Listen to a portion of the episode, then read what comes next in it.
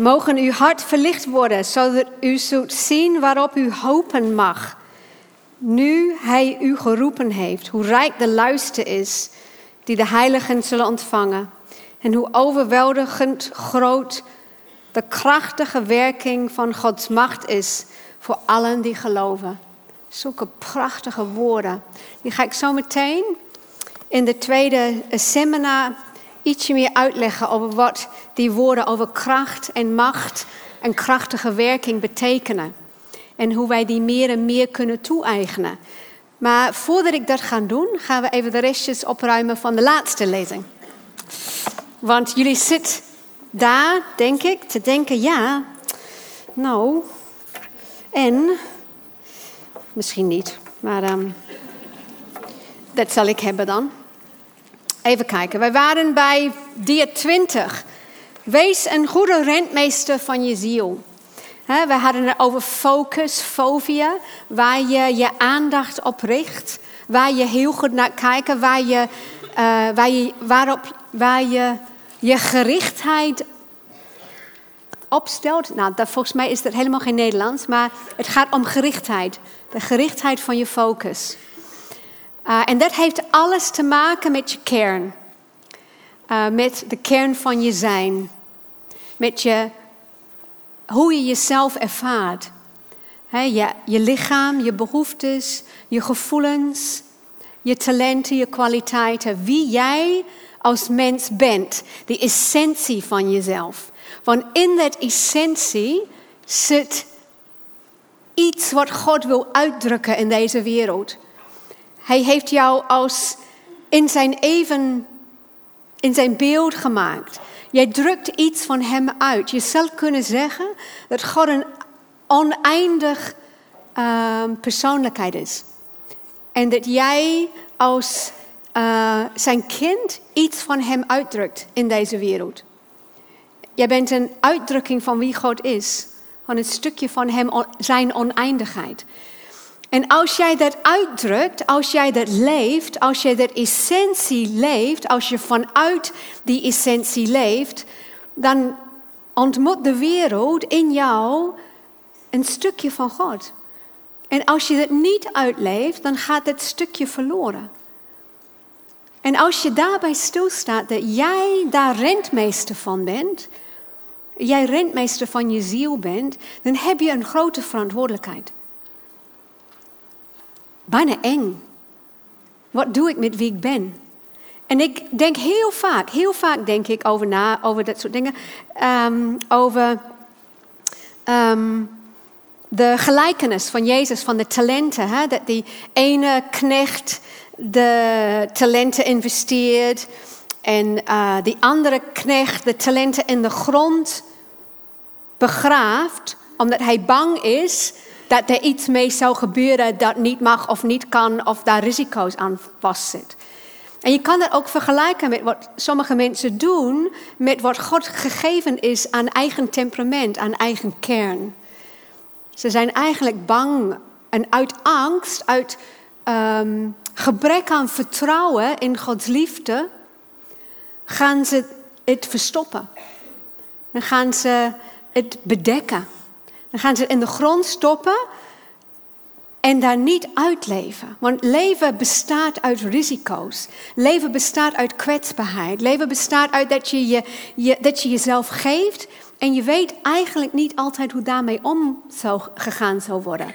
Of dat je iets blootlegt van jezelf en het kan pijn doen. Of dat je je hele hart geeft en het wordt gebroken. Of je wordt, um, nu kom ik in een kloof van taal. Ik kan alleen maar aan een, een, slechte woord denken. Dus dan ga ik gewoon zeggen, oké. Dan word je genaaid. Weet je wel? Dan wil je... Ik, er zijn nette versies, maar die zijn nu... Uh... Maar jullie snappen wat ik bedoel. Je wordt gewoon verraden met dat kwetsbaarheid. En dat is, dat is het leven. Als wij hier met z'n allen, er zijn, hebben allemaal momenten wanneer wij, wanneer we gekwetst zijn of gekrenkt zijn. Doordat we uh, in een situatie. Uh, dat, ja, dat is, dat is gewoon pijn gedaan. En als wij beslissen uit angst om het nooit meer te doen, dan bouwen we de muren rondom ons kern. En het eist ook een diepe vertrouwen in Gods liefde en dat Hij alles ten goede kan keren, dat Hij ons kan helen, dat wij getroost kunnen worden, dat wij um, geheeld kunnen worden, willen we door blijven gaan in de kwetsbaarheid. En dat is wel wat ons gevraagd wordt. Je wordt, bent rentmeester van je ziel. En hoe ziet dat eruit? Het ziet eruit dat jij contact kunt maken met je diepste verlangen. Kan die dia erop komen of is er een probleem? Hij werkt er heel hard aan. Dat jij contact kunt maken met je diepste verlangen. En die zit in je kern. En ja, we hebben allemaal verlangen van ik wil, um, ik wil dat mijn kinderen me gehoorzamen. Ik wil dat mijn dat mijn um, moeder me nou eens een keer bemoedigt in plaats van bekritiseert. En ik wil dat mijn schoonmoeder me niet vergelijkt met die. En ik wil allemaal daar, daar, daar, daar, daar. Hoe wij willen dat de buitenwereld met ons omgaan. Dat willen we allemaal als we eerlijk zijn. Maar de diepere verlangens, de diepere verlangens aan um, gekend te worden en te kennen. De diepere verlangens aan, aan begrip en aan uh, veiligheid.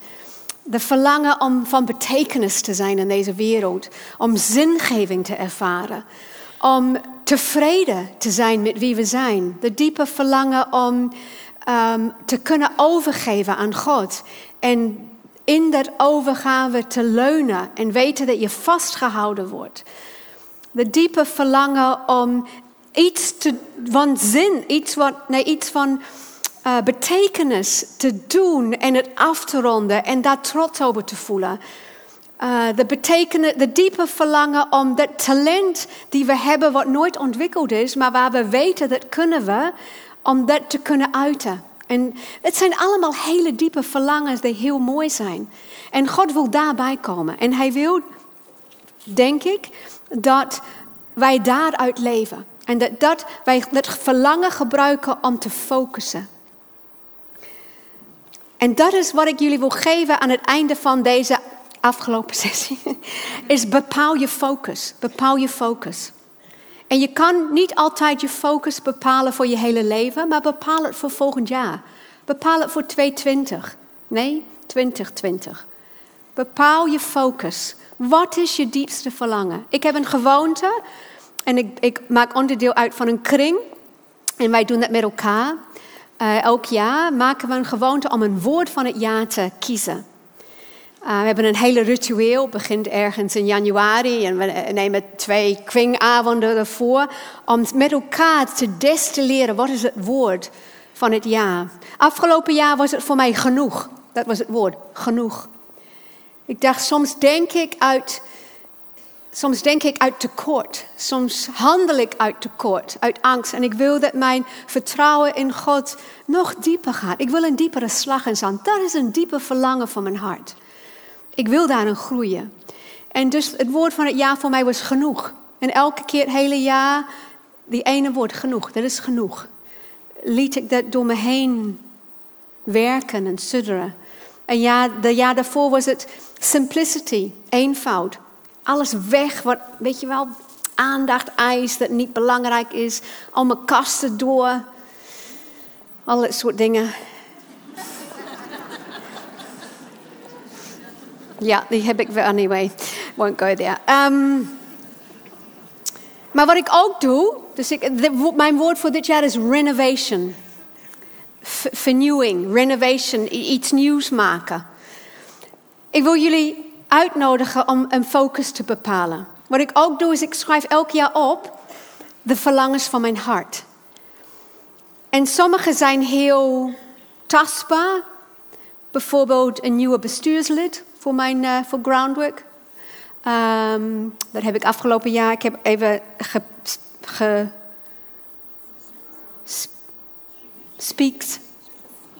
Ik heb even, ja, is dat een woord? Ik heb even gespiekt. Um, ik heb opgeschreven een betere relatie met X. Heb ik opgeschreven als een diepe verlangen. Um, ik had opgeschreven, ik wil die kamer in mijn huis renoveren. Ik heb opgeschreven, ik wil in dit gebied van mijn ziel groei zien. En dan, dan denk ik niet over doelen, want doelen lijkt in mijn beleving alsof je daaraan moet werken. En dit zijn vaak dingen waar je bijna niet aan kan werken. Sommige dingen wel. Um, maar sommige dingen moet je gegeven worden. En in mijn relatie, ja, dat is ook iets wat ik ooit opgeschreven heb. Ik wil gewoon. Um, ik kom uit een hele dysfunctionele gezin. En een van de dingen in mijn gezin is dat ik. Bij beide ouders ben ik emotioneel uh, verwaarloosd. En voor mij was het een hele groeicurve om God te zien als papa die mij wil helpen. Dus ik heb een doel opgeschreven, papa hulp ontvangen. Om daarin, en dat moet mij gegeven worden. Dat is een synergie, dat is een co. Oh, wat is het met mijn Nederlands vannacht? Dat is een co-taak tussen mij en God. Weet je wel? Hij, ik heb hem nodig, maar hij heeft mij nodig dat ik daarin meewerk. Dat, maar dat schrijf ik dat op. Dat is een verlangen van mijn hart. Als je niet bezig bent met de diepste verlangens van je hart, die uit je kern komen, dan heb je geen focus. En zoals we zullen vanmorgen zien, focus is belangrijk. Je gerichtheid, waar richt je op? Waar zie je een hoge resolutie? Want waar je een hoge resolutie ziet, dat fobia, dan ga je in die richting. Bepaal je focus. Wees rentmeester van je ziel. Ha, ik heb hem. Veel mensen die stellen de tom-tom van hun leven in uh, op deze manier. Weet je wel, ik wil niet in deze relatie. Ik wil niet in deze werk. Ik wil niet met dit ziekte te maken hebben. Ik wil niet uh, um, deze lichaam. Ik wil niet uh, dit kerk. Ik wil niet, ik wil niet, ik wil niet. Nou, dat is wel een stap, want je wil iets niet.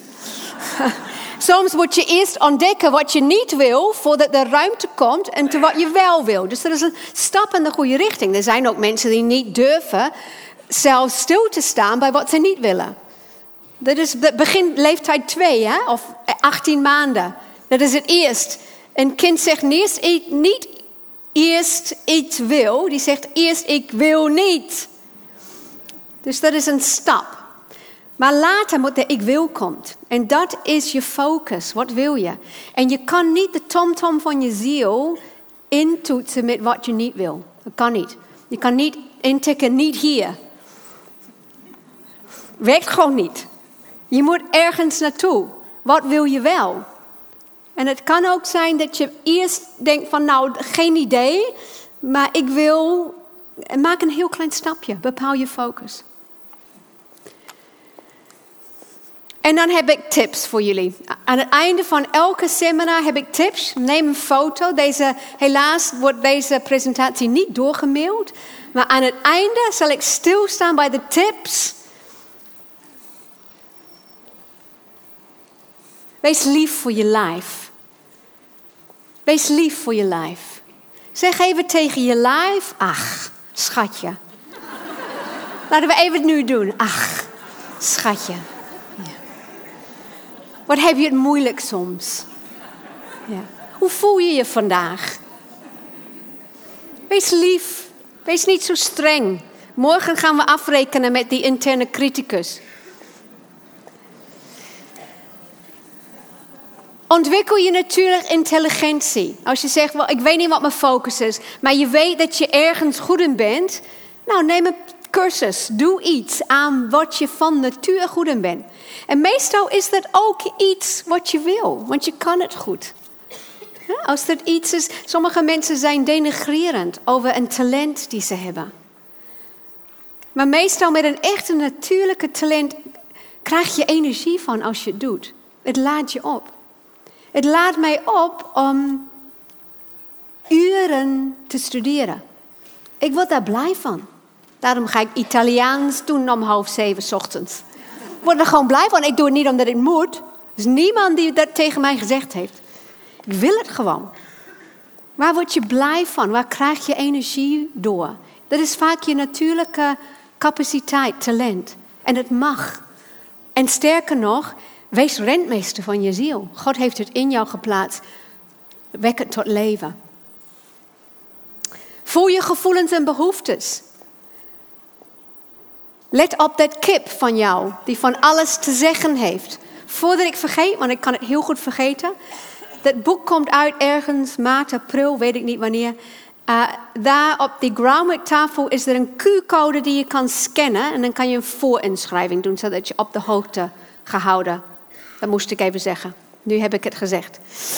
Uh, als je niet weet wat een Q-code is, kan je ook je naam opschrijven. Bepaal je focus. Tip. Bepaal je focus. Oké, dat was het einde van seminar 1. We gaan nu overschakelen naar seminar 2. En ondertussen, want Marco die moet dat allemaal regelen. Zal ik jullie een mop vertellen? Als ik eentje kan vinden. Weet je... Even kijken. Weet je waarom het... Laten we even dit doen, want uh, nu is de kans. En de mannen die er zijn, je mag het niet doorvertellen. Weet je dat er hele goede redenen zijn om een man te zijn? Weten jullie dat? Je telefoongesprekken zijn meestal over een 30 seconden. Dat zijn natuurlijk heel stereotypisch, dat snap ik ook wel. Je kan, um, als je op vakantie gaat voor een week, dan heb je alleen een hele kleine koffer nodig. Je kan al je eigen blikken openen. Je, als je weggaat van het hotel, dan voel je niet die innerlijke drang om de lakens van de bed af te nemen. Als je iets ongevraagd voor een andere doet, gewoon zomaar omdat het je opkomt, word je overladen met complimenten. Als iemand vergeet om je uit te nodigen voor een feest, dan kan je nog steeds vrienden zijn. Je hebt aan drie paar schoenen genoeg. Als je grijze haar en rimpels krijgt, dan uh, is het alleen karakter, weet je wel. Het, uh, het, het uh, voegt iets toe.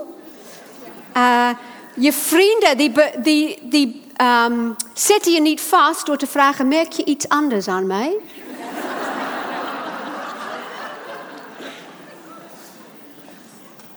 En als een andere man naar dezelfde feest komt met dezelfde kleren, dan word je waarschijnlijk beste maatjes. Yes. Oké, we zijn daar. Komt hij? Hij komt. Kracht. Oh, dan gaan we dat doen. Oké, even pauzeren. Even pauzeren.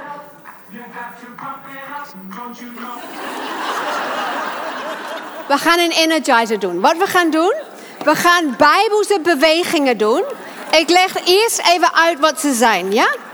Want ze zijn anders dan afgelopen jaar. Bijbelse bewegingen. Jullie mogen al je spullen neerzetten en gaan staan. Dat was uh, is bijna vergelijkbaar aan je 10.000 stappen voor vandaag.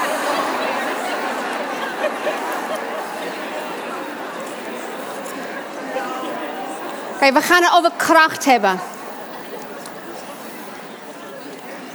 Wat is kracht?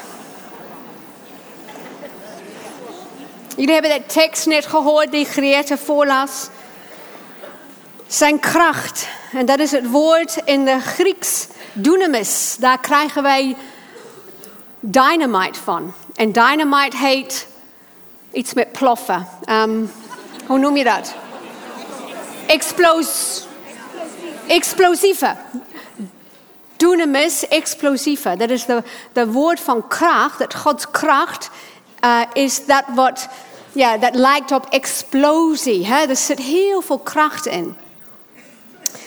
Uh, en dan hebben we het woord. Um, nee, dat is het woord. ik heb het in de. Ja, dunamis, dat is vermogen. En dan heb je het woord kratos. En het woord kratos wordt vertaald in de, uh, hier als macht. Kracht en macht. En dat woord kratos betekent in de Grieks bewind of regie. Of autoriteit. Of heersen over. Of dominion. Zeggenschap over wat gebeurt. Net zoals macht een beetje betekent in onze taal. Dus deze twee woorden komen komen in voort in deze tekst. Zijn ongelooflijk vermogen, dat dunamis, dat paardenkracht, uh, hebben wij tot onze beschikking. Dit woord wordt trouwens gebruikt in het Nieuwe Testament voor wonderen, wanneer wonderen gebeuren. Dat woord dunamis wordt gebruikt. Dus het is echt een hele explosieve, belangrijke uh, kracht. En zijn dunamis hebben wij tot onze beschikking door, doordat wij vertrouwen in hem, in hem hebben. Net zoals die twee weeskinderen die met hun identiteit, unieke identiteit, in het paleis komen.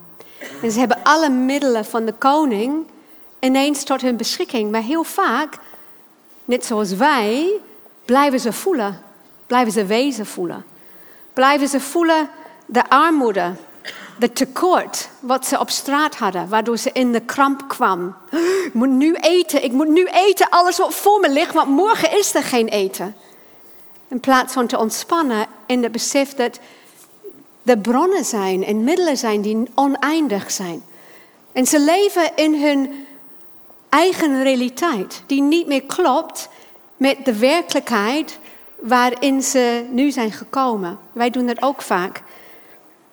Wat willen we? We willen vanuit ons plek van focus, hè, onze verlangen, diepste verlangen vanuit ons kern, willen we zo leven dat Gods dunamis, zijn kracht, door ons heen stroomt. En ruimte krijgt in ons. Dat het niet geblokkeerd wordt door leugens of door angsten, of door taboes of door opvattingen, of door trauma's vanuit het geleden, of door bagage, dat het stroomt vanuit vertrouwen. Als jij elke keer die je de Bijbel leest en je in het Nieuwe Testament je leest het woord geloof, zou je dat kunnen vervangen met vertrouwen. Want in de Joodse cultuur van die tijd was het ook zo. Geloof was niet een dogmatische, um, um, cognitieve systematiek. Het was een vertrouwen in de mens, in God. En wij zijn er een beetje kwijtgeraakt. Wij hebben geloof een soort um, geloofsbeleidenis gemaakt. Weet je wel, ik geloof de goede doctrines, dan ben ik aan de goede kant. In de goede denominatie ben ik veilig. Maar geloof gaat veel meer over volgen en vertrouwen. Vertrouw ik, echt vertrouw ik. Nou, als ik dat meetlaat, meet op mezelf, dan zijn er gebieden in mij die nog geen christen zijn. Er zijn gebieden waar ik soms moeilijk vind om te vertrouwen, maar uit mijn, mijn geschiedenis. Dan moet je opbouwen. Er is een leven van heiliging. We willen dat de dunamis ruimte in ons krijgt. Door onze vertrouwen. En daardoor kan zijn kratos, zijn dominion, zijn zeggenschap, zijn autoriteit, zijn regie uitgevoerd worden in deze wereld. In dit wereld. Zijn koninkrijk komen, zijn wil geschieden. Mag dat eerst hier gebeuren? En wanneer het hier gebeurt, wanneer ik leef als een mens uit één stuk, mag het ook hier gebeuren. En mag het ook in Nederland en overal waar ik naartoe kom. Als een gezant, als een ambassadeur, als een prinses van de koning. Die zijn bronnen en middelen tot mijn beschikking heeft. Dat is wat kracht is. Maar daarvoor moet je echt goed besef hebben van rentmeesterschap. Want God heeft je rentmeester van je ziel gemaakt. Wat betekent rentmeesterschap? Betekent het, het betekent dat je autoriteit hebt. Dat je vertrouwen hebt in die autoriteit. Dat je beslissingsbevoegdheid hebt. Dat je besluitvaardigheid hebt en dat je je eigen kracht inzet. Je krijgt een gebied van verantwoordelijk. Laten we het vandaag klein houden. En laten we hebben over dit. Jouw ziel, jouw lichaam, jouw talenten, jouw kern. Daar heb je verantwoordelijkheid over gekregen. Daar heeft God gezegd, joh, doe daar wat mee. Begraaf je talenten niet. Kies vandaag. Volg mij. Allemaal oproepen van keuzes maken. Van open je hart. De Bijbel is daar vol van. Veel christenen hebben een soort magisch denken. Niet allemaal. Er zijn meerdere soorten en maten. Maar veel christenen die vastlopen hebben een soort magisch denken. Ik heb niks te willen. En God moet het doen. Het is een soort fatalistisch. Het overkomt mij. Eigenlijk als je het afpelt, zien zij zelf soms als Gods slachtoffer. Omdat ze nooit geleerd hebben door allerlei redenen om dat ik tot ontwikkeling te laten komen. En daarin te gaan staan. Weet je nog, je moet pas een ik hebben, wil je het kunnen overgeven. En dat gaat vaak tegelijkertijd, dat je, dat je um, een stukje van je ziel, dat je daarin opgroeit en dat je dan los kan, dat je dan kan overgeven. Basisprincipe, je kan niet loslaten wat je nog niet vast hebt gepakt. Je kan niet loslaten wat je nog niet vast hebt gehouden. Mensen proberen los te laten. Ze proberen hun toekomst los te laten. Maar ze hebben daar nooit een plan voor gemaakt.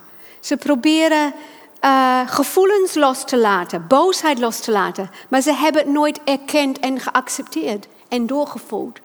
Ze proberen hun diepste angst los te laten. Maar ze hebben het nooit durven voelen. En uh, verdragen en doorvoelen. Ze willen hun behoeftes loslaten, maar ze hebben ze nooit erkend en herkend en erkend en bekend. Je kan nooit loslaten wat je nooit vast hebt gepakt. Vast hebt gehouden. En heel veel christenen proberen dat te doen en merken dat het niet lukt. Dat het niet lukt. Dus soms is het, heb je de moed nodig om eerst het te voelen, hoe lelijk dan ook. En hoe onchristelijk het lijkt. En hoe kwetsbaar of pijnlijk. Gewoon eerst doorvoelen en onder ogen kijken. En echt omarmen, zodat je het dan los kan laten. We kan niet de korte routes proberen te nemen. Het lukt gewoon niet. Sommige mensen zijn bang voor conflicten of bang voor kwetsbaarheid. En er is van alles gaande. Maar het is zo pijnlijk om aan de ogen te zien. Dus als rentmeester moet je eigenlijk vertrouwen hebben in hij die heerser is en schepper en redder en koning. En dat de bronnen en de middelen die hij heeft, heb jij tot je beschikking. Hoewel je ze niet ziet. En er zijn ook geen clues. Je moet eigenlijk echt soms in geloof uitstappen. En die angst voelen. Want wat is moed? Moed is niet. Mensen zeggen soms tegen andere mensen: Je bent moedig. En ik denk: Nee, je bent niet moedig, want dat kan je al. Maar moedig is wanneer je trilt van de angst. En je denkt: Ik ga nu dood. Dit is het. Het is over. En je doet het toch. Dat is moed. Moed is wanneer je opstaat en je bibbert en je huilt en je zegt toch wat je wil zeggen.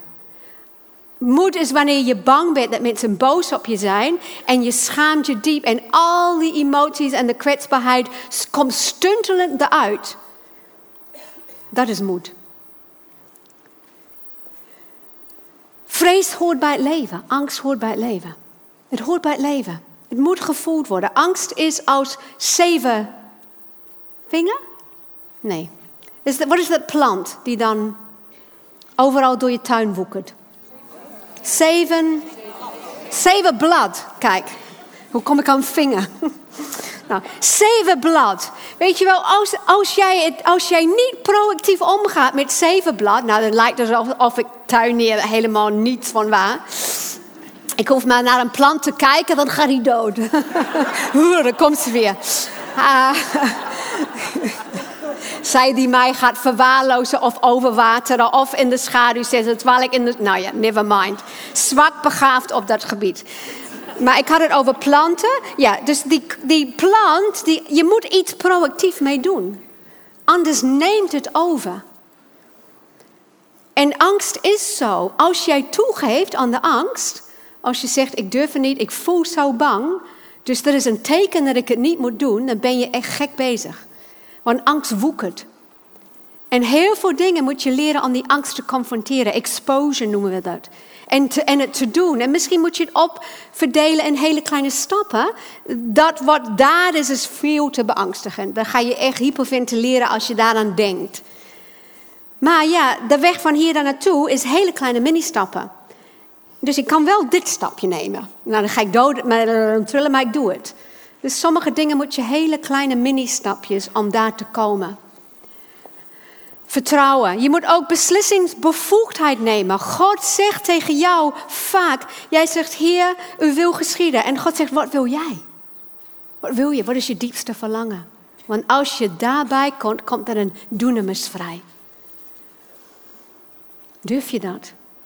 Beslissingsbevoegdheid. Je moet ook besluitvaardig zijn. En dat eist vaak kwaliteit, uh, niet kwaliteiten, vaardigheden. Dingen leren. Hoe kom ik op voor mezelf? Er zijn, als ik dat als ik daar denk, dan, dan zijn er geen woorden. Nou, misschien is het belangrijk dan dat je een paar mensen langs. Hoe zou jij dat doen? Wat zou je dan zeggen? Dat je het verzamelt en dat je oefent. Hetzelfde met kwetsbaarheid. Hetzelfde met relatiedynamieken. Van alles horen er vaardigheden bij. Hoe doe je dat? Hoe leer je reflecteren? Hoe leer je de leugens in je ziel te, te ontmaskeren? Uh, te ontkrachtigen, te ontwapenen. Het zijn vaardigheden die je kan leren. En er zijn allerlei soorten manieren die je dat kan uh, um, leren. Je kan het leren door boeken te lezen, je kan het leren door trainingen, door cursussen te doen, door andere mensen te vragen. Het gaat erom wat heb ik te leren, waar moet ik in groeien? En dat komt uit je focus. Bepaal je focus. En dan neem verantwoordelijkheid. Dat is hoe je bij kracht komt.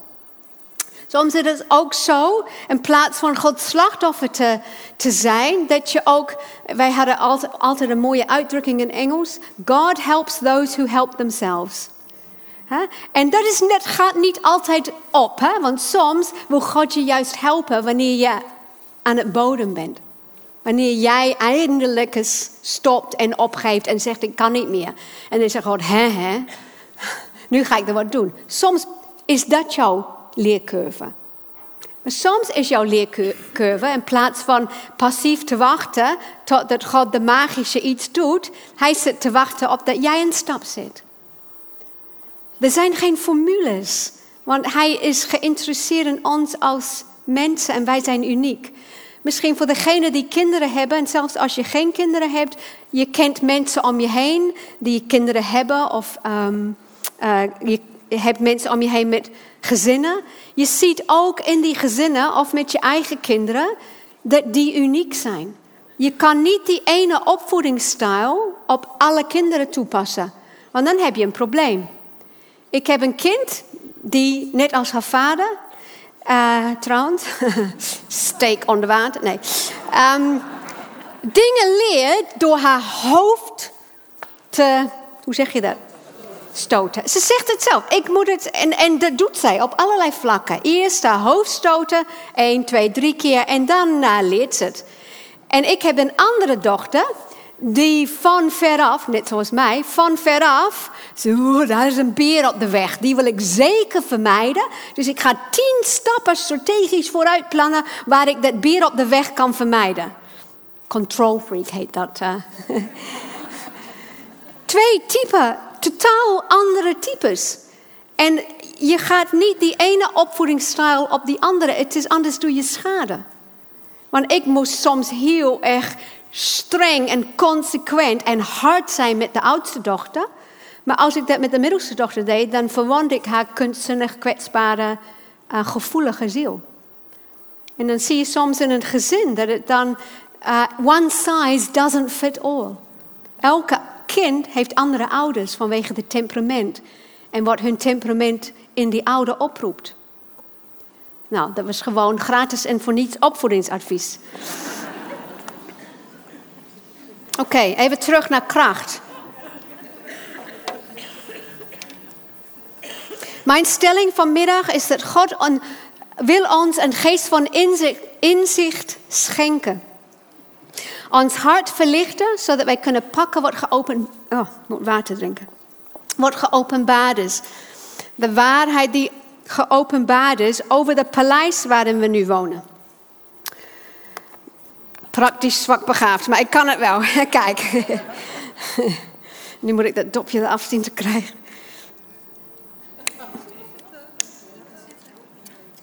Oh ja, moet je eigenlijk aanlaten. Nou ja.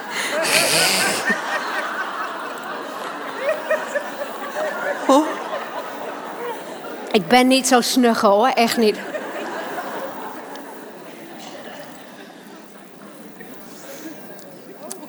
Deze tekst in Efeze 3, dat God ons, volgens mij, hij is ergens in Efeze. God wil ons een geest van inzicht schenken. Mogen God, oh dat is Efeze 3:16. Mogen de God van onze Heer Jezus Christus, die Vader van alle luister, u een geest van inzicht schenken. Hij wil u, jou, een geest van inzicht schenken. Dus hij geeft de geest aan jou. Jij bent rentmeester. Mijn stelling is dat er eerst een ik moet zijn die de inzicht ontvangt. Oh ja, hier is die. Ja. Dat er een ik moet zijn die de inzicht ontvangt en die de inzicht toepast. Er moet een ik zijn die iets wil. Die wil dat ontvangen. Want die wil iets mee doen. Bijvoorbeeld, die wil kunnen toelaten de liefde van God. Dat is een diepste verlangen van je hart. Er moet een ik zijn die verantwoordelijkheid oppakt. Er moet een ik zijn die gaat vertrouwen en in vertrouwen gaat staan. Er moet een ik zijn die oefent in beslissingsvaardigheden. Want als wij niet beslissingsvaardigheden hebben, dan gaan we dingen doen uit automatisch piloot. En als wij dingen doen uit automatisch piloot, is het heel vaak uit je eigen socialisatie of je afweermuur. Want je automatische piloot is soms handig, maar die moet niet je leven sturen. Want anders reageer je uit al die programmering van vroeger. En misschien is je programmering goed, dan heb je een hele handig automatisch piloot. Maar toch is het wel belangrijk om bewust zijn, om bewust te zijn waar je naartoe gaat, wat je focus is. En er moet ook een ik zijn die ook zijn eigen kracht aan toevoegt. De kracht die God jou gegeven heeft. De kracht om, want God heeft jou talenten gegeven, die heeft je kwaliteiten gegeven. Die heeft jou in Psalm 8 zegt, wat is de mens? Dat wij zijn mindful of him. God heeft hem ietsje lager, eigen vertaling, ietsje, ietsje lager gemaakt um, die, uh, dan die engelen of zo gaat. Je moet het even lezen, Psalm 8. En het zegt ook in het Nieuwe Testament dat wij co-workers met God zijn. We zijn een beetje soms collega's. God wil ons inzetten uit wat wij kunnen. Wij mogen dat toevoegen. Aan Hem die door de kracht die in ons werkt bij machten is oneindig veel meer te doen dan wij vragen of denken. Aan Hem komt de eer toe in de kerk en in Jezus Christus tot alle generaties. Dat is de dunamis, de kracht die vrijkomt en ook die autoriteit.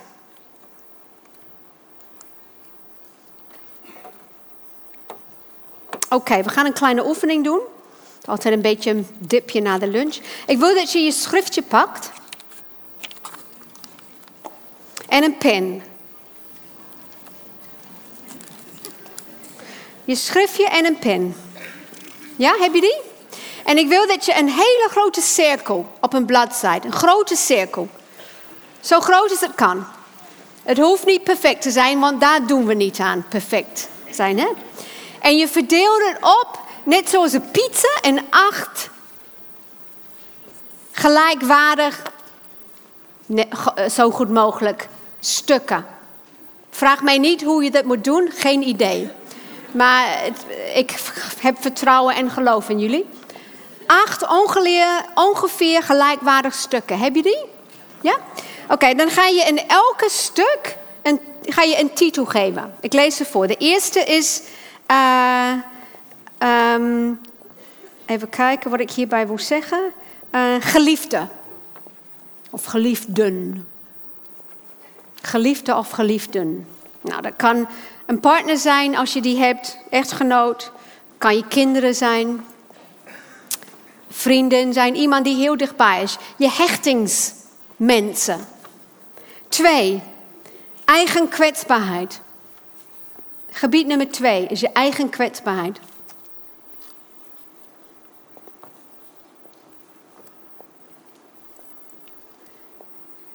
Nummer drie. Heb je die? Ben je zover? Nummer drie. Wie is nog bezig om zijn pizzapunten te maken? Oh, gelukkig. Oké. Nummer drie. Je energiehuishouding. Je energiehuishouding. Ja? Energiehuishouding. Vier. Je levensfase. Je levensfase. Vijf, je fysieke gezondheid. Fysiek gezondheid.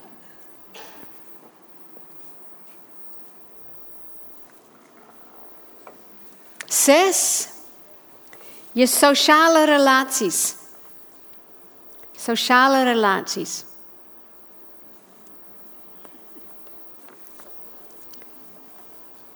Zeven, ben je zover? Zeven, spiritualiteit.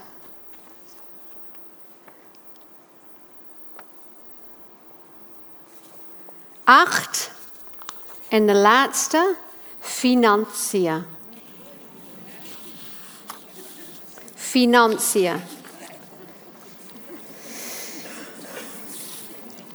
Oké. Wat is het cirkel met de acht pizzapunten? Dit is jouw zelfzorg. Hoe is jouw zelfzorg op alle acht vlakken? Hoe gaat het in alle acht vlakken? Stukken. Ik zou ze even toelichten. Het eerste is partnergezin. Hoe is je relatie met je geliefde? Niet iedereen heeft een partner. Als je een partner hebt, hoe is je relatie? Hoe gezond is het? Als je het niet hebt, maar je wil het, hoe is dat? Hoe is je zoektocht? Als je het niet hebt, kies iemand anders wie belangrijk voor je is. En, en als je dat niet hebt, ieder mens heeft een person nodig. Heeft iemand nodig met wie je wel en wee kan delen. Dat je kan hechten. Hoe is het daarmee? Twee, je eigen kwetsbaarheid. Dat zijn de gebieden in je leven waar je kwetsbaar bent, waar je beperkingen hebt. Misschien is dat pijnlijke gebeurtenissen uit je uh, geschiedenis. Misschien is dat iets wat je mee te maken hebt hier en nu, een gebied van je leven die niet goed loopt en die energie vraagt. Een ziek kind, een zorgkind, um, een, uh, um, iets uh, dat je mantelzorger bent. Of misschien is het dat je gevoelig voor angst bent, of dat je gevoelig voor depressie bent, of dat je een andere psychische aandoening heeft. Iets wat je kwetsbaar maakt, je beperking. Iets van jou. Misschien ziet niet, niet iedereen het, maar er is iets. De derde is je energiehuishouding. Hoe is je psychische balans tussen inspanning en ontspanning? Kan je ontspannen? Kan je je inspannen? Hou je energie over aan het einde van de dag. Want dat hoort eigenlijk. Dat aan het einde van elke dag dat je een buffer hebt. Als je elke dag uitgeput naar bed gaat, dan zit je in een alarmfase.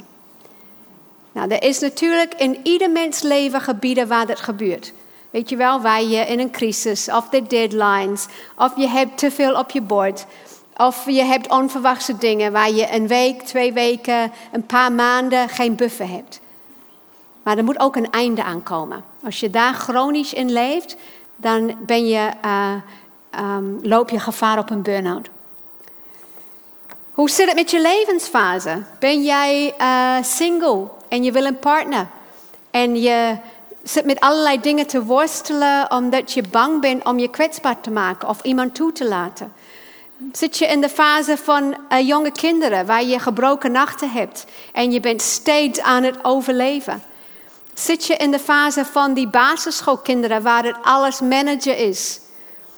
Uh, zit je in de fase dat je geen kinderen hebt en je bent bezig met IVF of je bent bezig om uh, te rouwen? Zit je in de fase dat je die empty nest uh, hebt en viert? Oh. zoals ik. Hoewel, ik heb een boomerangkind nu. Die is nu thuisgekomen, maar ik heb goede nieuws. Want afgelopen jaar ging ik hierover. Uh, ik heb altijd over gemekkerd over die uh, jonge adolescenten die nog thuis wonen. En anyway, lang verhaal. Maar zij is drie jaar weg geweest in Engeland en haar brein is nu volgroeid. Ja, het is echt, het is echt goed. Dus er is hoop voor de toekomst. En uh, als ik dingen zeg van zou je er achter jezelf opruimen, dan zegt oh ja, en dan doet ze het. nou, weet niet wat mij overkomt. Ik, ben, ik word elke dag geheeld. Er worden geen discussies, geen snauwende blikken, geen rollen met de ogen. Geen de zussen, nou ze doet het weer opbellen, weet je wel, roddelen over mij. Ze doet het gewoon. Soms bellen ik, klop ik voorzichtig op die, die slaapkamerdeur en ik zeg kamergenoot. Want je moet het aankondigen. Hè? Van, uh, uh, was jouw beurt om de was te doen deze week? Oh ja. Nou. Dus wie kan ik uh, zorg ze weg zijn totdat die brein uh, helemaal weer in orde is. Leeftijd 26 en komt het helemaal goed. Tijdelijk, hè? Tijdelijk. Oké, nummer 5. We zijn we. Fysieke gezondheid. Oh ja, nee, levensfase, daar waren we nog niet. Overgang. De overgang. Weet je, ik, ik was op uh, onze school. Ik heb een uh, opleiding voor therapeuten en coaches. Bij Groundwork hebben we dat. En elke les moet een van die studenten in de vierde jaar iets doen over um, blessed to be a blessing. Dus dat is, wij hebben heel veel ontvangen. We krijgen heel veel als therapeuten een opleiding aan onszelf te werken. Maar hoe kunnen we dat doorgeven? En hoe kunnen we aan, bij een uh, specifieke doelgroep iets wat wij ontvangen hebben uh, doorgeven? Dus zij, deze studenten hadden over die overgang. En ik had iets geleerd dat um, hoe zeiden ze dat weer? Dat je hebt die knuffelhormoon, hè? oxytocin. Dat is de hormoon die vrijkomt uh, met liefde, met romantiek, met uh, knuffelen. Maar ook als je bevalt en ook als je een kleine baby hebt. Er zit heel veel, dat hormoon komt vrij, waardoor je wordt verliefd op alles wat klein en schattig is. En je wil zorgen, je wil zorgen. En dat dat hormoon die gaat in het lichaam van een vrouw, die wordt constant geproduceerd zodat je zorgt. Je zorgt. Je kinderen roepen mama. En dan sta je op en dan ben je daar om dingen te doen. Wie zijn de zorgers hier? Ja, ken je dat? Dat je dan uh, tijdens de overgang houdt het op.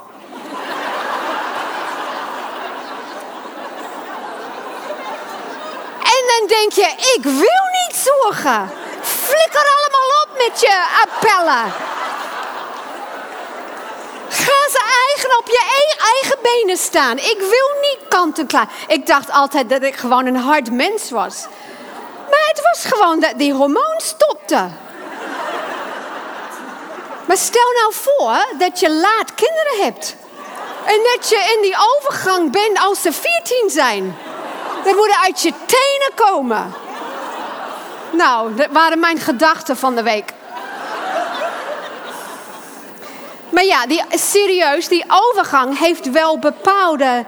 Het is een levensfase waar je extra voor jezelf moet zorgen. Extra goed slapen, extra goed letten op je energie, extra goed letten op je inspanning en je ontspanning. Um, en dan heb je ook na die overgang, hè, de fase van oud worden. Waar alles begint te hangen. Want ik zeg, de wet van de zwaartekracht, die wint altijd. En daar heb je ook mee te omarmen. En doorvoelen. En rekening mee te houden. En zo kunnen we doorgaan tot aan de dood. De omarming van de dood. Als levensfase, de fase van loslaten.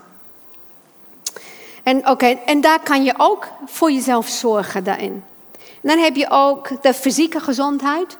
Dus vanzelfsprekend bewegen, goed eten, meewerken met je beperkingen, goed voor jezelf zorgen.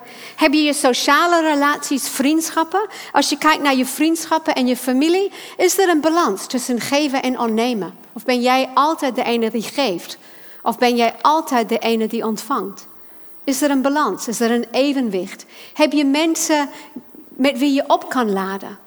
Heb je mensen van wie jij ontvangt en andere mensen aan wie jij geeft? Hoe zit het daarmee? Hoe zit het met je spiritualiteit? Heb jij, is jouw geloof een hulpbron of is het een stressbron? Hoe is je relatie met God? Hoe is het met je zingeving? Met betekenis, met putten uit de bron. Met staan in de liefde. En zo kan je jezelf een cijfer geven. Dus ik geef je twee minuten, drie minuten, om naar die levensgebieden te kijken en een cijfer van tevredenheid te geven. Hoe tevreden ben ik? Oh, en dan had je je financiën ook nog. Sorry, was ik vergeten. Zit je in de schuld? Ben je aan het sparen? Heb je een buffer? Heb jij genoeg om te investeren in dat wat je nodig hebt om je dromen te realiseren? Of zit je elke maand kilo kilo? Hoe zit het daarmee? Ben je tevreden? Heb je je eigen geld überhaupt? Zelfbeschikkingsrecht over iets wat jij zelf kan kiezen, hoe je dat uitgeeft. Oké, geef jezelf een cijfer van tevredenheid op elk gebied. Je hoeft het aan niemand te delen, maar dan kan je, het helpt je ook om je focus. Misschien is een van deze gebieden je focus voor het komende jaar. Ik hou mijn mond even twee minuten. Geef jezelf een cijfer.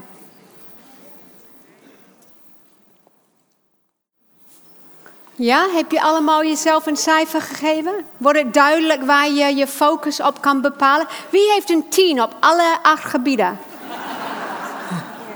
Ja, oké. Er is genoeg te doen. Genoeg doelen te zetten. Zelfzorg.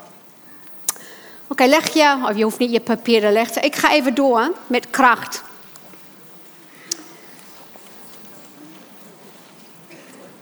Wie weet wat deze woorden betekenen? Ah, één hand geloof ik. Dat zijn, of twee. Dat zijn de woorden in het, in het Oude Testament, in Genesis 1. Waar uh, het zegt dat de aarde, de planeet woest en ledig was. Woest en ledig, voor de schepping. En dat de geest van God zweeft over de wateren. Of over wat er dan ook was, de woest en ledig. En dit is een soort plaatje van de schepping. Dat kan je eigenlijk niet echt maken, want wat is nou woest en ledig? Dat is, wat is dat nou? Voordat God de wereld schiep, voordat God de wereld schiep. Het voelt nog steeds als ice cream. Want hij maakt uit dat wat woest en ledig is, maakt hij de schepping. En ik ben de laatste uh, paar jaar heb ik me verdiept in de, uh, sommige, van, sommige stukjes van de gedachtegoed goed van Jordan Peterson. Dat is een klinisch psycholoog uit Canada die best wel controversieel is geweest omdat hij sprak uit tegen een wet die ingevoerd werd in Canada over voornamen. En of je nou uh, door de wet uh, gedwongen kon worden om andere voornamen te gebruiken voor mensen die transgender waren dan wat je normaal zou zeggen, hij of zij. Of hij of zij. Best wel ingewikkeld. En hij werd daarmee heel controversieel. Maar ik heb dit stukje van hem, ik vond het ook heel treffend over hoe dat werkt met die uh, ontwikkeling van de psyche. En dat wil ik met jullie delen. Hij zegt ook hele goede dingen trouwens. Um, en hij zegt dat God maakt vanuit de, um, dat wat woest en ledig is, creëert hij de schepping. En een andere vertaling voor dat of een, begrip is vormloze potentie. Woest en of tahu wa bohu, ik weet niet hoe je het zegt, die betekent eigenlijk dat er geen vorm is. Er is niks, het is vormloos. Maar er zit heel veel potentie in. Er zit heel veel mogelijkheden in. En dat uit die vormloze, oneindige mogelijkheden structureert God dingen. Hij zegt, er zij licht. En er komt een zon en sterren. En hij, door zijn woord creëert hij. En dat woord in de Grieks is logos. Door zijn woord zegt hij dit en dit en dit. En dan komt het tevoorschijn. Hij creëert uit de vormloze potentie een realiteit, een um, werkelijkheid waar je in kan wonen. Waar je de mens in kan leven, omdat het gestructureerd is. En hij zegt, Jordan Peterson, Peterson zegt dat wij, wij zijn beelddragers, dat wij ook als de mens, als God, kunnen wij ook creëren. En wij creëren niet het heelal, hè? wij zeggen niet er zijn licht, maar wij creëren vanuit die vormloze potentie, de, de ontelbare mogelijkheden die in ons zijn, creëren wij uh, uh, tastbare dingen. En dat, dat, wij dat kunnen, wij kunnen scheppen, wij kunnen creatief zijn. Wij kunnen dat zijn, maar het is ook onze verantwoordelijkheid. Het is ook onze verantwoordelijkheid, want het woord logos betekent in de tijd van het Nieuwe Testament, je zal het kunnen vertalen als discours. En discours is, logos is dat je een werkelijkheid structureert op zo'n manier dat moraliteit en waarheid vormgegeven worden. Dus je creëert een werkelijkheid waar je in kan wonen en die geeft um, die zorgt ervoor dat je, dat je het kan leven. Dat je moraliteit, dat je weet wat goed en fout is. Dat je kan kiezen. En dat je, uh, je kan waarheid uit voortleven. Weet je wel, waarheid is altijd duurzaam. Waarheid is altijd duurzaam. Soms leven we niet vanuit de waarheid, maar we leven uit diepe, onbewuste opvattingen die op leugen gebaseerd zijn. En dan brengt het misschien tijdelijk goede vrucht voort, maar op de lange duur merk je dat dat boom slechte vrucht voortbrengt. Want het is niet waarheid.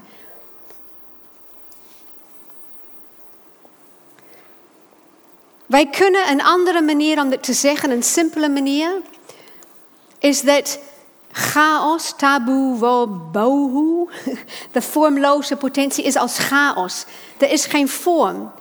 En die ik, hè, ons ego, onze ik die kiest, die creëert orde van. Ik maak het even voor jullie tastbaar. Stel nou voor dat jij een ruimte in je huis hebt, en misschien hoef je het niet voor te stellen. Ik hoef het niet voor te stellen. Dat je een ruimte in je huis hebt waar je durft bijna niet te gaan. Omdat als je daar opent, denk je, oh hemel, dan doe je het weer dicht. Want het is, sommigen van jullie hebben dat helemaal niet. Mogen je handen opsteken? Steek je handen op. Al die mensen die Maria Kondo hebben toegepast. Steek je handen op. I bow to you. I have deep respect for you. Ik ben zwak begaafd op dat gebied en die gebieden heb ik. Maar stel je nou voor, een beetje probeer in mij te leven, empathie. Je doet die kastdeur open en je denkt, waar moet ik een hemelsnaam beginnen? Dus je doet het weer dicht. Ja, ja elke jaar opnieuw. Dat is chaos. Dat is woest en ledig. Dat is vormloze potentie. Daar kan je niet in wonen. En al die dingen die in de kast zijn, die gebruik ik niet. Want als ik één ding uithaal, dan komt die andere. Je snapt het. Sommigen van jullie niet, maar um, als je het niet snapt, kan je na die uh, praten en bidden hoekje gaan. En dan kunnen wij uh, voor jullie bidden dat je ook een gebied van chaos in je leven mag hebben. Want jouw ik moet daar orde van creëren. Die moet eigenlijk in die ideale wereld. Zal ik bijvoorbeeld een keer zitten. Ik zal alles eruit halen. Ik zal het ordenen. Ik zal overzicht creëren. Ik zal wegdoen wat ik niet nodig heb. Ik zal naar de kringloop brengen wat iemand anders kan gebruiken. En ik zal uh, blij zijn. Dat zal ik doen. Dat is een voorbeeld van uh, praktisch. Maar het gebeurt ook zo in je ziel. In dat kern in dat onderbuik. De gevoelens vanuit toen. De relatie die je eigenlijk liefst niet over na moet denken. Dat gebied in je leven waar je nog schuldig over voelt. Dat gebeurtenis waar je nog over schaamt, dus je denkt daar niet over na. Die gevoelens wat je niet durft uit te spreken. Die verlangens die er zijn, waar de hopeloosheid bij komt. De behoeftes die je al lang ontkent. Dat zijn ook de chaos. En ideaal zou zijn als jij leeft, dat is de ideale wereld, dat je leeft, jouw ik leeft op de rand tussen de chaos en die orde. Want te veel orde is ook niet goed. Echt niet. Thank you. Yes. zijn mijn. Uh, ik kom even deze kant staan. Ken je die mensen die alles onder controle hebben? Die ook hun huisje zou een soort plaatje kunnen zijn voor. Uh, ja. Maar dat niet alleen. Maar als je komt, zit je op de hoekje van de bank. Want je denkt van, weet je. En je durft helemaal niet je jonge kinderen daar naartoe te brengen. En ze hebben echt alles op orde. Dat is eigenlijk niet orde, dat is rigiditeit. Dus die kant willen we ook niet helemaal gaan. Dus gezond is wanneer eigenlijk zo dat je een gebied van je leven hebt die je onder de knie hebt. Die heb je onder de knie. Dat zit goed. Daar ben je ook goed in. En je staat op de eindstukje. En dan ben je elke keer kleine stappen aan het zetten in dat andere gebied om dat ook onder orde te brengen. En dat je leeft op dat hoekje, want dan ben je aan het groeien. Dan ben je die chaos aan het temmen. Dan, breng je aan het, dan ben je aan het scheppen. Je bent uit die chaos, uit wat je niet weet, uit waar je bang voor bent, ben je regie aan het uitvoeren. Ben je zeggenschap aan het uitvoeren. Ben je aan het ordenen. En soms gaat het ook met dingen die je niet weet. Wij zijn als christenen zo bang om dingen niet te weten. Wij willen weten hoe het allemaal zit. Maar soms zijn er mysterieën, dingen denk van, jemig, ik geen idee hoe dat zit. Geen idee. Als je echt dingen over, als je over nadenkt, dan, dan kom je gewoon niet uit. En dan zeg je, ik weet het niet. Maar dat is soms moeilijk. Want wij willen het weten, want het geeft ook gewoon uh, houvast. Even twee waarheden. Je hebt het nooit onder controle, helemaal. En als je het helemaal onder controle hebt, dan ben je een. Uh, kan niet een woord bedenken. Je bent. Uh, wat ben je? Je bent een perfectionist, maar je bent meer dan een perfectionist. Je bent vaak een dictator. En je hebt, je, je, wat is die andere? Je bent ook nooit klaar. Want je denkt dat je het net klaar hebt. Je hebt net geleerd om uh, met die kleine ukkie kinderen om te gaan en uh, op te voeden. En dan worden ze tieners. Nou, dan, weet, dan heb je het echt niet onder de knie. En dan leer je ook om hoe daarmee om te gaan en al die levensgevazen op, levensgebieden op orde te hebben. En dan krijg je de overgang. En dan heb je dat allemaal onder de knie. En dan ga je dood. dat is toch, is toch triest. Het is echt, je bent nooit klaar. Want leven verrast je altijd. Gelukkig maar, want dan blijf je groeien. Hopelijk. Even kijken, waar, waar, waar zijn we? Oké, hoe lang heb ik nu? Eva, vertel mij hoe lang ik heb. Een kwartiertje. Oké, dan gaan we even een stukje doorschuiven naar. Um, ik zal de tips niet doorschuiven, die zeg ik dan. Ik wil deze stukje over shalom vertellen. Kracht. Ik denk dat kracht heel veel te maken heeft met shalom. Want shalom, weet je wel, we denken aan gezegen zijnde vredestichters. En denken aan vrede, aan shalom. Dat, dat gewoon die, um, de afwezigheid is van conflict. Als jij denkt aan vrede, als ik denk aan vrede, denk ik, ach, niemand heeft ruzie. Of die oorlog is er niet meer. Maar dat is niet wat Bijbels vrede, shalom is. Dat is het niet. Het is veel meer dan dat. Shalom in de Joodse denkwijze is heelheid. Het is welzijn. Het is compleetheid. Um, Psalm 4, vers 9 zegt: In shalom lig ik me neer en meteen slaap ik. Want u hier laat mij wonen in een vertrouwd en een veilig huis. Het heeft te maken met welbevinding met relationele um, harmonie. Jim Wilder is een neurowetenschapper. Hij noemt zichzelf neurotheoloog. Vind ik ook een hele mooie naam. Hij zegt dat je brein op zo'n manier ontworpen is dat het best functioneert in een atmosfeer en een omgeving van shalom. Wat is shalom? Shalom is een staat van zijn waar alles in de juiste relatie tot elkaar verkeert. Ik leg het zo meteen uit. In prediken lezen we over. Voor alles wat gebeurt is er een uur. Een tijd voor alles wat er is onder de hemel. Een tijd om te baren, een tijd om te sterven, een tijd om te planten, een tijd om te roeien. Een tijd om te doden, tijd om te helen en zo gaat het door. Morgen ga ik uh, mijn versie van Prediken 2020 voorlezen. Dus die heb je tot je. Die heb je, die krijg die komt. Te goed, dank je. Ik wist het al. Shalom is wanneer dingen op het goede moment gebeuren. Moet je je voorstellen? Er is een uh, spreuken 27 vers 14 zegt... Wie zijn naaste in de vroege morgen op luidruchtige wijze groet... het wordt hem als een vloek aangerekend. Dat is toch een leuke spreuk, hè? Dus wanneer jij op de vroegere ochtend je tiener luidruchtig begroet, neemt hij het of zij het. Nou, zoals dat vers zegt. Waarom? Omdat het heeft met timing te maken. Dus dat wat later op de dag prima kan, als het de juiste verkeerde timing is, dan klopt het niet. Dan klopt het niet. Dat is het principe van timing. Dingen kunnen gebeuren. Iemand kan je een omhelzing geven, wat je normaal heel fijn vindt. Maar als jij zit te stressen, is dat de laatste wat je wil. Blijf van af. Dat zeggen jullie niet, hè? maar dan denk je dat van binnen. Of je verstijft. Uh, dat iemand jou bemoediging geeft wanneer je je hartstikke boos op ze zijn. Weet je, timing. Shalom is wanneer het klopt. Het klopt gewoon. Het is de juiste timing. Maar het is ook de juiste hoeveelheid. Denk aan koffie die te slap is. Of die te sterk is. Denk aan een maaltijd waar er te veel zout is of te weinig.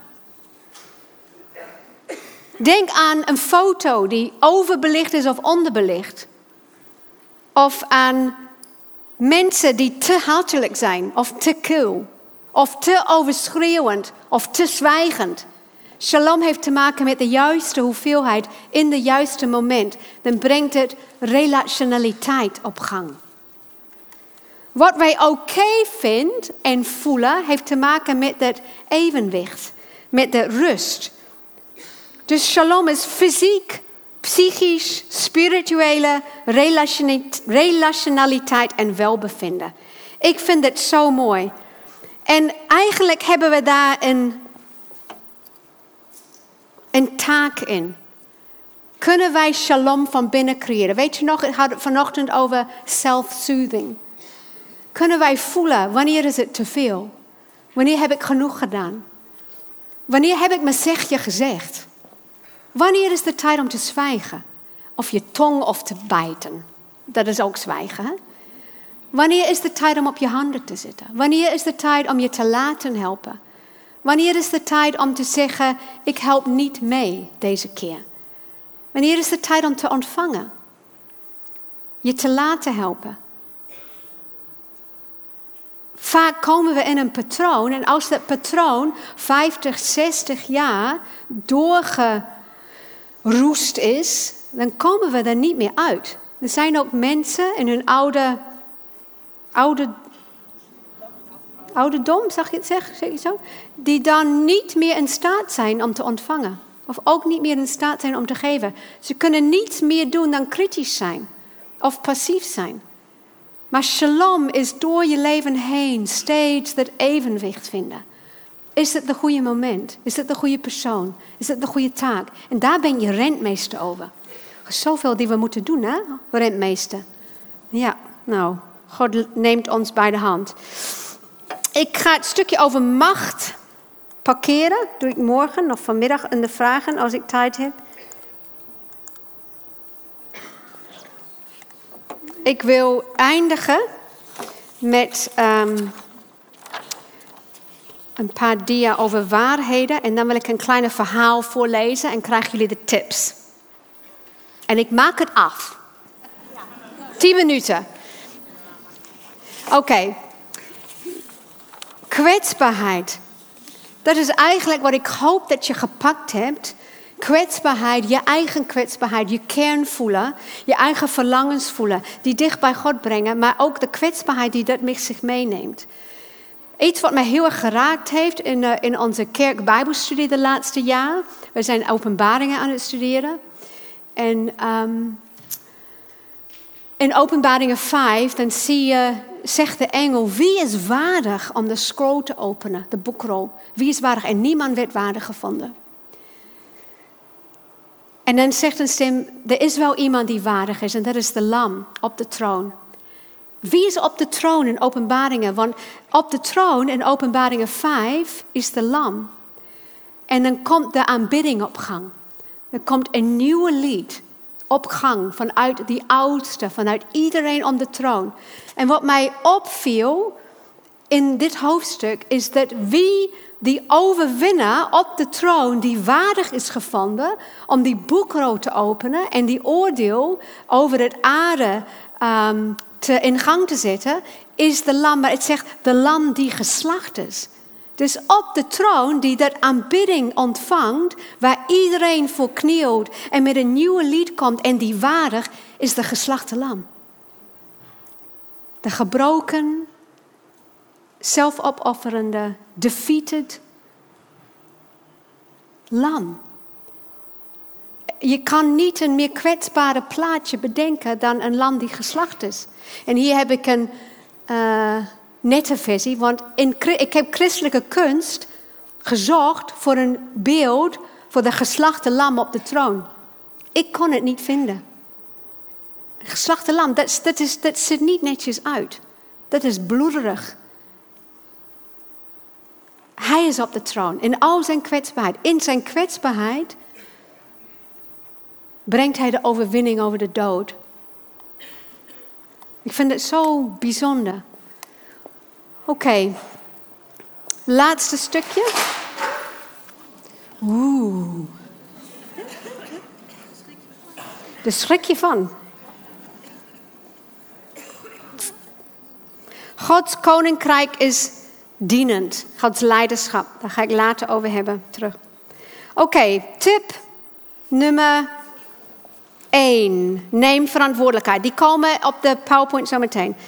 2. Verlang naar wat je nog niet kan en doe wat je wel kan.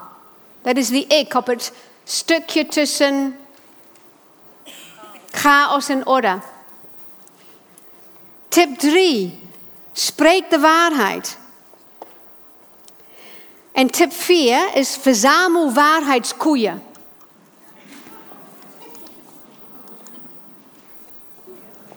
Verzamel waarheidskoeien. Want, weet je, je bent als weeskind in de paleis gekomen. Alles is veranderd in jouw externe omstandigheden, aan je status. Je bent geliefd, je bent vergeven, je hebt alle bronnen en middelen.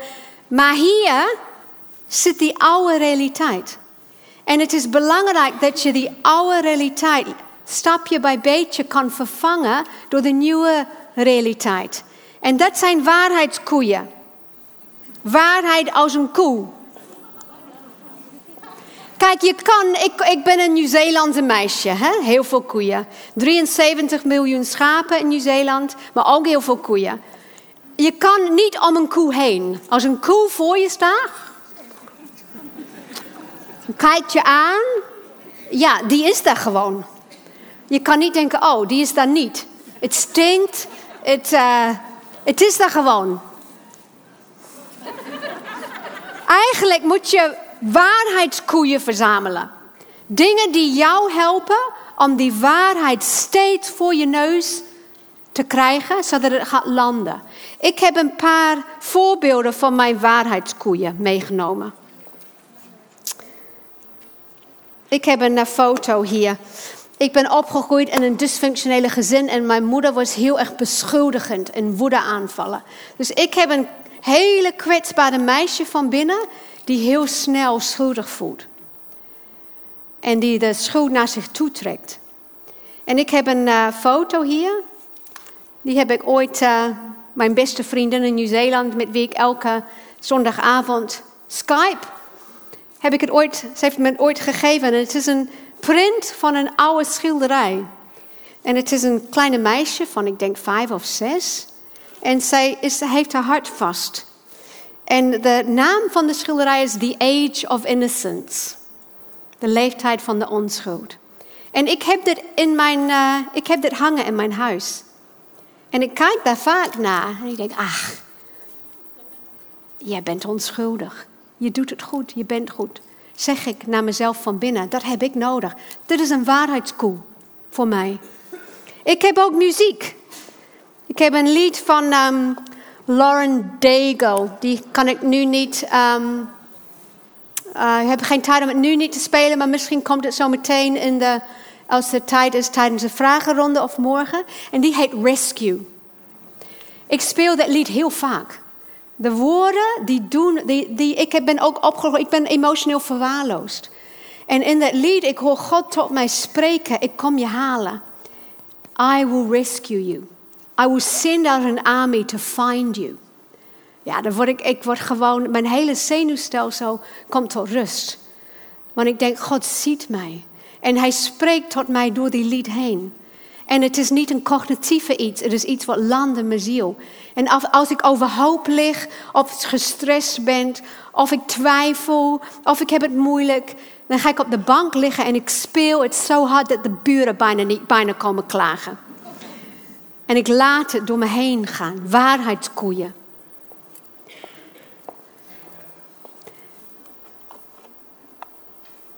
Ik heb die woorden, weet je nog, die woorden voor het ja. Genoeg, dat zijn voor mij waarheidskoeien. Soms heb ik een tekst uit de Bijbel waar ik op kou. Soms bel ik mensen op en ik uh, zeg, zeg maar dat ik het goed heb gedaan. Nou, ik leg de woorden in de mond en dan stel ik mezelf openen en dan ontvang ik dat. Dat zijn waarheidskoeien. Waarom zou je het allemaal zelf moeten doen?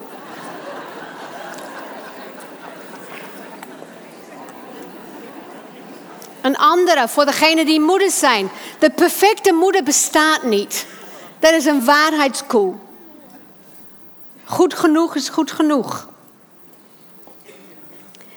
En de laatste tip is laat God je ontdraken. Daar zijn die tips. Ik ga je een kleine verhaal voorlezen. Van C.S. Lewis van Narnia. Niet de boek de, over de kast. Maar het boek over de reis van het drakenschip. Deze verhaal raakt mij altijd. Kent iedereen de boeken van Narnia? Ja? Ken je deze verhaal van Justus? Die in de, in de grot van de draak was. En hij zag de schat van de draak en hij werd verleid door de schat. Hij werd hebberig. En hij pakte de armbandje en heeft die armbandje aan. En hij wordt uiteindelijk, doordat hij functioneert vanuit leugens, wordt hij zelf een draak. Dat wat hij op focust, de gerichtheid, dat pakt hem. En dat heeft een beet. En hij verandert zelf in een draak. En het probleem is, is dat die armband, die past op die arm van een kleine jongen, maar past niet meer op de poot van een draak. En het doet vreselijk zeer. Er is ook een verhaal, dat metafoor van C.S. Lewis gaat ook over ons. Dat soms is onze gerichtheid verkeerd, onze focus. We richten op dingen die niet goed voor ons zijn, die niet uit de diepste verlangen van ons ziel komen, maar vanuit ons afweerlaag. En soms is het te ver en kunnen wij onszelf niet ontdraken. En deze verhaal wil ik je lezen. Justus is aan het vertellen. Ik zal je. Ik zal je nog maar niet vertellen hoe ik in een draak veranderd ben, voordat ik het anderen ook vertel. Dan ben ik er in één keer vanaf, zei Justus. Dat verschrikkelijke armband deed me zo'n pijn. Ik kijk op en zag het allerlaatste wat ik verwacht had. Een reusachtige leeuw die langzaam naar mij toe kwam. Er was iets raars. De maan scheen vannacht niet, maar waar die leeuw liep, was het maanlicht. Hij kwam dus steeds dichterbij. Ik was verschrikkelijk bang voor hem. Nou denk je misschien wel dat ik als draak een leeuw gemakkelijker aan had gekund, maar zo'n soort angst was het niet. Ik was niet bang om door hem opgegeten te worden. Ik was alleen maar bang voor hem. Als je dat kan begrijpen. Nou, hij kwam vlak voor me staan en keek mij recht in de ogen. En ik deed mijn ogen stijf dicht. Maar dat hielp niet. Want hij zei dat ik hem moest volgen. En ik wist dat ik moest doen wat hij zei. Dus stond op en ging met hem mee. En hij liep voor me uit, diep de bergen in. En aldoor was er dat maanlicht op en rondom de leeuw. Overal waar we liepen. Zo kwamen we tenslotte op de top van een berg die ik nog nooit eerder had gezien. En op die bergtop lag een tuin. Met bomen en vruchten en van alles. Midden in die tuin was er een bron. Ik begreep dat het een bron was, omdat je het water vanaf de bodem omhoog zag borrelen. Maar het was veel groter dan de meeste bronnen. Het leek net een heel groot rond bad met marmeren treden die in het water naar beneden liepen. Het water was kristalhelder. En ik dacht dat ik daarin kon komen en mijn poot in het water steken kon en dat de pijn dan wel minder zou worden. Maar de leeuw zei dat ik mij eerst moest uitkleden. Ik wou juist zeggen dat ik me niet uit kon kleden, omdat ik geen kleren aan had. Toen ik opeens bedacht dat een draak wel op een slang lijkt. En dat slangen hun huid kunnen verliezen. Oh, natuurlijk dacht ik, dat bedoelt de leeuw. Dus begon ik aan mezelf te krabben. En aan alle kanten begon mijn schubben los te laten. Toen krabde ik, nog wat dieper. En in plaats dat er alleen hier en daar schubben loslieten, begon mijn hele huid nu netjes los te komen. Zoals wanneer je ziek geweest bent. Of zoals bij een banaan. Even later kon ik er zo uitstappen. Ik zag hem daarnaast me liggen en hij zag er niet zo leuk uit. Het was een heerlijk gevoel. Dus begon ik die treden af te lopen, de bron in om mijn bad te nemen. Maar net toen ik mijn voeten in het water wilde steken, keek ik naar beneden en zag ik dat, ik, dat ze weer helemaal hard, ruw en rimpelig waren. Net als daarvoor. Oh, dat hindert niet, zei ik tegen mezelf. Dat betekent alleen maar dat ik nog zo'n pak, een nauwere pak, onder de buitenste rand aan had. En dat zal ik dan ook uit moeten trekken. Dus krabde ik en trok ik weer en ook die onderhuid kwam er weer keurig af. Ik stapte eruit en liet hem naast de vorige liggen. Ik stapte weer de bronnen om mijn bad te nemen. Nou, opnieuw gebeurde precies hetzelfde. En ik dacht bij mezelf, goeie grutte. was niet dat C.S. Lewis zulke Nederlandse uitdrukking kende. Goeie grutte, hoeveel huiden zal ik daar wel niet uit moeten trekken? Want ik wilde zo graag mijn zere poot in die water steken. Dus begon ik voor de derde keer te krabben en haalde er een derde huid af. Net zo als de vorige twee en stapte eruit. Maar zodra ik mezelf in het water bekeek, wist ik dat het niets geholpen heeft. Toen zei de leeuw, je zou het mij moeten laten doen. Laat mij je maar uitkleden. Ik was doodsbang voor die klauwen van hem. Dat kan ik je wel vertellen. Maar ik was er intussen bijna wanhopig van. Dus ging ik maar gewoon plat op mijn rug liggen om, hem, om het hem te laten doen. De allereerste haal van zijn klauw ging zo diep dat ik dacht dat hij dwars door mijn hart heen ging. En toen hij mijn huid eraf begon te trekken, deed dat meer pijn dan alle andere dingen die ik ooit heb gevoeld. Het enige waardoor ik het kon verdragen was, was dat het echt heel fijn gevoel was. Dat het spoel, spul losliet. Het doet hartstikke zeer. Nou, hij haalde al dat akelige spul eraf, precies zoals ik dacht dat ik het die drie keer ervoor zelf had gedaan. Alleen, het had die drie keer geen pijn gedaan. En daar lag het dan in het gras. Alleen zag het er nu veel dikker en donkerder en knobbeliger uit dan die andere huiden. En daar stond ik dan, zo zacht, zo glad, als een schoon geschild wilgentakje en kleiner dan eerst. Toen pakte hij mij beet. Dat vond ik niet zo leuk, want mijn buitenkant was heel gevoelig, nu ik geen huid meer aan heb. En hij gooide mij in het water. Het deed ontzettend pijn, maar dat was heel eventjes. Daarna was het gewoon verrukkelijk. En zodra ik begon te zwemmen, zwemmen, merkte ik dat de pijn in mijn arm helemaal weg was. En toen zag ik pas waarom. Ik was weer een jongen geworden.